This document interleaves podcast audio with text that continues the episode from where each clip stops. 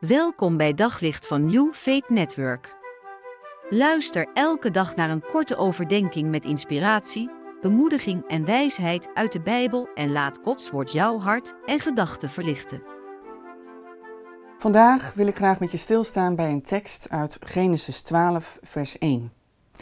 En daar staat: De Heer zei tegen Abraham: Trek weg uit je land, verlaat je familie, verlaat ook je naaste verwanten en ga naar het land dat ik je zal wijzen. Abraham die staat hier op het punt om te gaan vertrekken. En Abraham die gaat niet vertrekken omdat hij ja, een beetje klaar is met Garan, waar hij woont.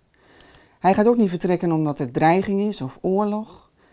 Het is ook niet een ik-vertrek variant waarin hij ja, succes wil gaan halen in een ander land of in een andere streek. Nee, Abraham heeft Gods stem gehoord. En Abraham, die heeft Gods stem gehoord en die staat hier eigenlijk op het punt van vertrek. En dan moet je je eens voorstellen, Abraham die bepakt zijn kameel en dan zijn daar mensen en die zien Abraham zo bezig en die gaan naar hem toe en die vragen, Abraham, ga je op reis? En dan zegt Abraham, ja, inderdaad, ik ga op reis. En dan vragen die mensen van, maar waar ga je dan heen? Bestemming onbekend, zegt Abraham. En die mensen die kijken elkaar aan en die denken van, wat doet Abraham vreemd? Maar Abraham, wanneer kom je dan terug? Ik kom niet terug. En die mensen die zeggen tegen elkaar, nou wat is dat toch met Abraham? Wat doet hij vreemd? Hij heeft iets. Nou, Abraham heeft inderdaad iets. Hij heeft het. Hij heeft Gods stem gehoord. En Abraham die gaat eigenlijk uit zijn alledaagse cirkel van waarin het komt zoals het komt en gaat zoals het gaat.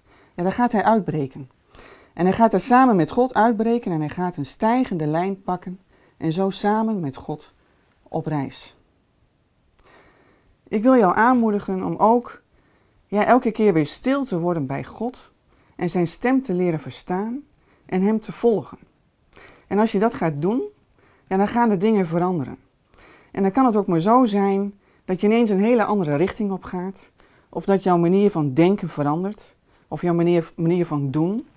En dat er misschien ook wel mensen zeggen van nou, wat, wat heb je nou ineens? Je bent zo anders. En dan wil ik je juist aanmoedigen om God te blijven volgen en te doen. En te stappen samen met God. Want, dat staat er ook in de versen erna, hij zal je dan zegenen en je zult tot zegen zijn. Op zoek naar nog meer geloof, hoop en liefde.